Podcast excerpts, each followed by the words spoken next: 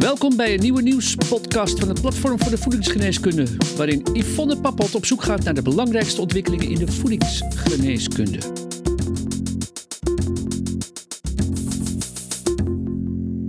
Hallo professionals, welkom weer bij de wekelijkse nieuwspodcast van Voedingsgeneeskunde. Met deze podcast willen we jou inspireren over de rol van leefstijl, voeding en specifieke nutriënten in relatie tot gezondheid en ziekte. Ik ben Yvonne Pappelt en vandaag ga ik met Andrea van Vuren in gesprek over zoetstoffen. Coca-Cola wint er namelijk geen doekjes om en kiest voor het stimuleren van suikervrije dranken. Maar als alternatief maken ze gebruik van suikervervangers. Ja, wat zijn dit voor stoffen? Wat is het verschil met suiker? En hoe veilig en gezond zijn deze alternatieven? Voordat we in die zoetstoffen duiken, nog even over die suiker. Kun jij kort aangeven wat we daaronder verstaan, uh, Andrea? Jazeker. Met suikers bedoelen we mono- en disacchariden. Monosacchariden, daar vallen onder glucose, galactose en fructose. En disacchariden zijn twee van die elementen aan elkaar gekoppeld. En de meest bekende zijn dan saccharose en lactose. Maar er zijn ook wat minder bekende varianten zoals maltose, isomaltulose en trehalose. En dat heeft weer te maken met uh, bepaalde textuur die die specifieke disacchariden geven aan voedsel bijvoorbeeld. Of dat ze heel goed zijn om mee te fermenteren, et cetera.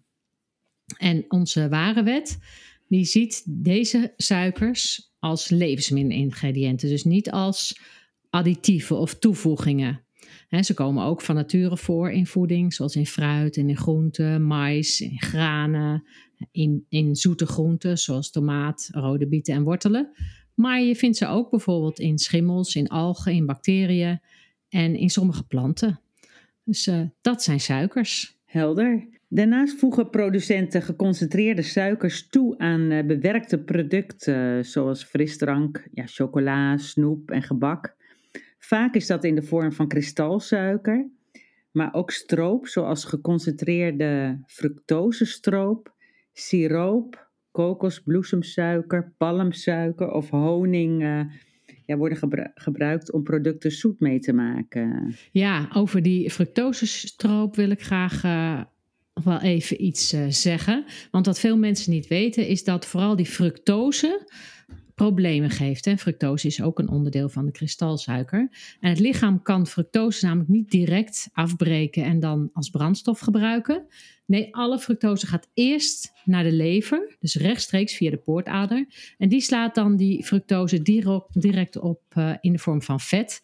En als je daar dus heel veel van gebruikt, kan dat leiden tot een scala aan uh, gezondheidsproblemen zoals leververvetting, metabol syndroom, diabetes, overgewicht, hart- en vaatziekten.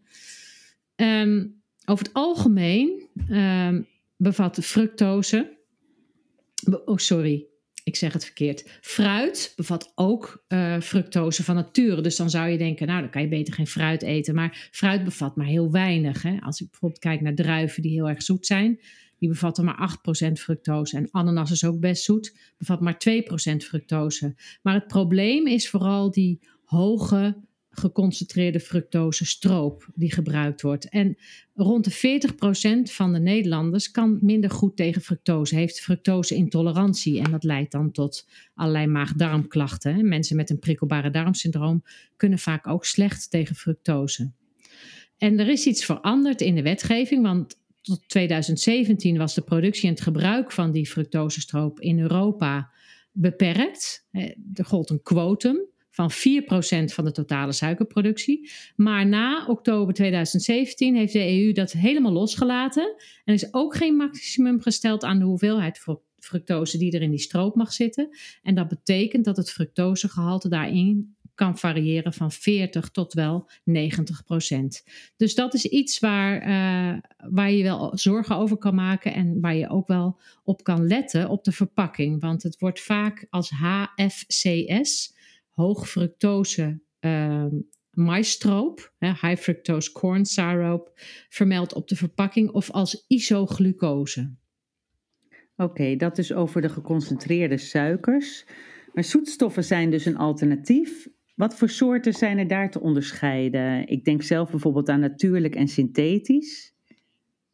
Ja, dat, uh, dat onderscheid kun je maken, maar ook intensief en extensief, oftewel uh, bulkzoetstoffen. Uh, zowel die intensieve zoetstoffen als die bulkzoetstoffen, die, die vallen dan weer wel onder de voedingsadditieven. En die hebben ook allemaal E-nummers meegekregen. En die bulkzoetstoffen, die kun je eigenlijk um, helemaal omvatten met de poliolen. En poliolen zijn allemaal natuurlijk, dat wil zeggen, ze komen als zodanig in de natuur voor, maar vaak worden ze wel eh, in het laboratorium gemaakt. Hè. Sorbitol wordt bijvoorbeeld gemaakt uit um, um, glucose, volgens mij. Ik weet eigenlijk niet zeker. Maar ze worden in ieder geval synthetisch uh, gemaakt. Uh, en, en hebben dan um, E-nummers gekregen, maar ze komen als zodanig dus wel in de natuur voor. En over het algemeen hebben die een gelijke of zelfs een lagere zoetkracht dan suiker. En natuurlijk dan intensieve zoetstoffen. Daarom heb je bijna evenveel nodig als van gewone suiker om dezelfde zoetkracht te, te bereiken. Maar vaak worden ze toegepast omdat het bijvoorbeeld de bloedsuikerspiegel minder snel verhoogt of omdat ze minder schadelijk zijn voor je tanden. En die intensieve zoetstoffen daarentegen hebben een veel hogere zoetkracht dan gewone suiker, vaak tot duizenden malen sterker.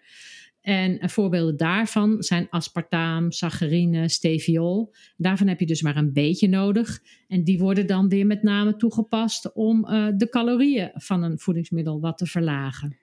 En die zijn niet allemaal natuurlijk, hè? Nee, daar heb je inderdaad ook synthetische tussen zitten, zoals aspartaam en saccharine. Steviol wordt dan weer onder natuurlijke zoetstoffen geschaard, maar daar kun je ook je vraagtekens bij zetten. Maar daar kom ik straks nog wel even op terug.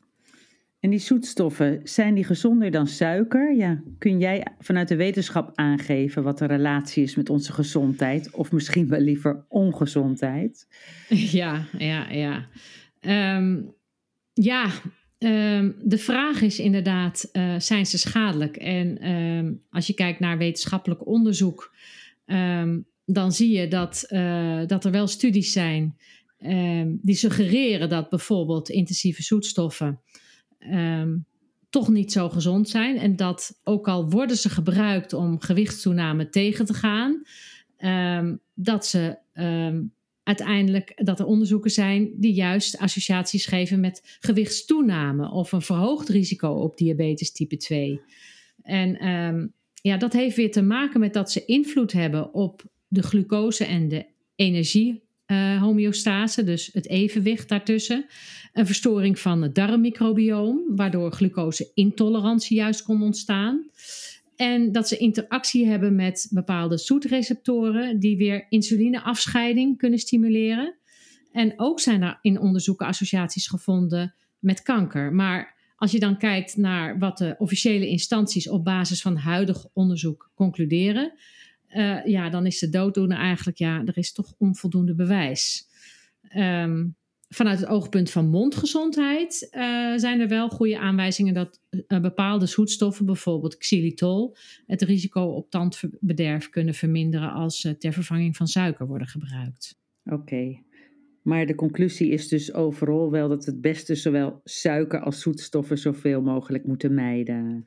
Ja, het, het, gaat met name op dat we nog niet zoveel weten over die lange termijn effecten op de gezondheid. Um, en uh, ja, dus, er zijn dus van al die zoetstoffen dan ook um, aanvaardbare dagelijkse innames vastgesteld. Een mooi voorbeeld is bijvoorbeeld aspartaam. Hè. In, in, mijn artikel noem ik eigenlijk alle zoetstoffen met ja, wat er bekend is over de veiligheid. Maar dat is recent nog in de publiciteit geweest. De WHO die labelde aspartaam in een recent rapport nog als mogelijk kankerverwekkend. Hè, op basis van honderden internationale studies. Nou, er werden in drie cohortstudies een verband uh, uh, werd er gelegd met leverkanker. Maar ja, omdat er dan nooit helemaal valt uit te sluiten dat iets anders de kanker heeft veroorzaakt, noemen ze het bewijs voor leverkanker dan beperkt of onvoldoende voor andere soorten kanker. En die maximaal aanvaardbare dosis uh, die ligt geloof ik op 40 milligram per dag van aspartaam. Die bleef dan ook gewoon ongewijzigd. En de internationale frisdrankfabrikanten die riepen natuurlijk hard: Oh, aspartaam is veilig. En ja, dan denk ik van uh, trek zelf je conclusies maar. Heb je dan nog zoveel vertrouwen in aspartaam dat het veilig is? Als je dit leest of hoort. Ja, en je refereerde al een artikel dat je geschreven hebt uh, voor voedingsgeneeskunde, waar je ook uh, de afzonderlijke zoetstoffen bespreekt. Ik kom daar later ook nog even op terug. Uh, ik ben ja. eigenlijk ook wel benieuwd naar jouw suiker- en zoetstoffengebruik, Andrea. Ja, voor zover ik me ervan bewust ben, gebruik ik geen zoetstoffen. Hoewel ik ongetwijfeld wel eens wat binnenkrijg natuurlijk. Want ik neem ook wel eens een kauwgompje of een uh, keelpastille als ik een zangweekend heb. Uh, ja, en die zijn dan ongezoet, dus daar zitten onge ongetwijfeld zoetstoffen in. Ik voeg, verder geen uh, suikers toe in koffie of thee. Ik gebruik ook geen, geen frisdrank. Maar ik gebruik wel waterkefir. En dat is natuurlijk heel gezond vanwege de, de goede bacteriën die erin zitten. Maar die suiker die ik toevoeg bij het maken van die waterkefir, die wordt niet allemaal gefermenteerd. Want het smaakt toch nog best een beetje zoet. Dus daar krijg ik waarschijnlijk ook wat suikers binnen. Ja, en verder kun je mij ook wel wakker maken voor een stukje zelfgemaakte appeltaart of chocola. En ik heb van die periodes dat ik dan waarschijnlijk toch wel meer suikers binnenkrijg dan gezond voor me is. Maar ja, ik ben ook maar een mens. Ja, precies. Wat is jouw advies aan de professionals uh, met betrekking tot het gebruik van suiker en zoetstoffen? We kunnen het natuurlijk al een beetje raden, maar uh, graag. Uh, ja, ik, mijn stokpaardje is toch altijd zoveel mogelijk puur en onbewerkt eten. Ik zeg altijd: eet niks wat je grootmoeder ook niet at. Nou ja, nou gaan de, de generaties wel opschuiven nu. Dus, maar um, ja, suikers en zoetstoffen zijn natuurlijk alleen maar verwerkt in bewerkt voedsel. En ja, daar is momenteel natuurlijk ook wel heel veel uh, over te doen. Hè? Uh, Jaap Seidel ook over zijn uh, ultra bewerkt voedsel. En zoals ik ook in mijn artikel beschrijf, is het consumeren van suiker nog altijd geassocieerd met een toenemend aantal mensen met overgewicht, hè, zelfs obesitas en ontwikkeling van ta tandbederf metabol syndroom, diabetes. Nou, zo kan ik nog wel even doorgaan.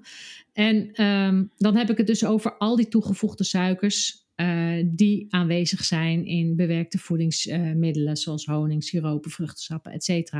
Maar ja, zoals je al zegt, dat hoef ik de professional eigenlijk allemaal niet te vertellen. Het is misschien wel leuk om nog even um, aan te geven wat uh, Nederland dan aanbeveelt uh, via het voedingscentrum. Voor kinderen van 4 tot 6 jaar maximaal 15 gram vrije suikers per dag. Voor kinderen van 7 tot 18 jaar maximaal 25 gram. En voor volwassenen en kinderen vanaf 18 jaar maximaal 50 gram. En dat komt neer op zo'n 10% van het totaal aantal calorieën dat je dan per dag binnenkrijgt. Hè, op basis van 2000 calorieën per dag. Ik kan me daar wel aan, bij aansluiten, want dat is al moeilijk genoeg. Als ik dan even illustreer dat twee glazen frisdrank of 100 gram melkchocola al 50 gram suikers bevat. Dus um, ja, en ik zou aanvullend dan mijn cliënten altijd adviseren om het gebruik van zoetstoffen zoveel mogelijk te beperken. En vooral die zoete smaak te proberen af te wennen, al is het geleidelijk aan. He, vooral omdat we de gevolgen van die zoetstoffen op de lange termijn nog onvoldoende kennen. Dankjewel. En jouw woord van de week? Puur en onbewerkt. Woorden. Oké. Okay. Woorden, ja. ik, uh, ik ben altijd stiekem. Dan pik ik er toch nog weer een paar woorden bij. Geen punt. Ik kies smaak, want ja, geen of minder suiker gebruiken kun je qua smaak ook prima aan wennen, is wel mijn idee. Andrea, ja, heel erg bedankt weer voor dit uh, gesprek.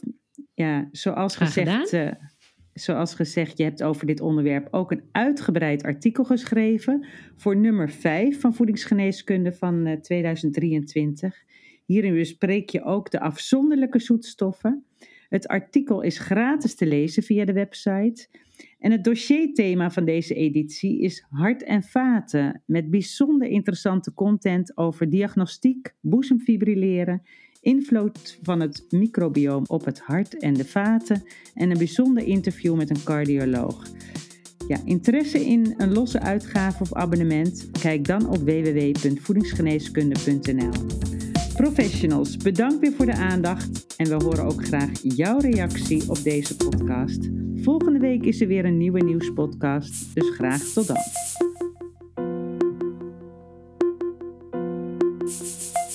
Via vakblad, website, podcasts en een jaarlijks congres biedt voedingsgeneeskunde al meer dan 20 jaar professionele en wetenschappelijk onderbouwde kennis. Gratis voor niets, het laatste nieuws in je inbox. Schrijf je dan in voor de wekelijkse nieuwsbrief op www.voedingsgeneeskunde.nl. Redactie en productie Yvonne Papot. Techniek Sjoerd Kaandorp. Voedingsgeneeskunde is een project van uitgeverij Media Medica.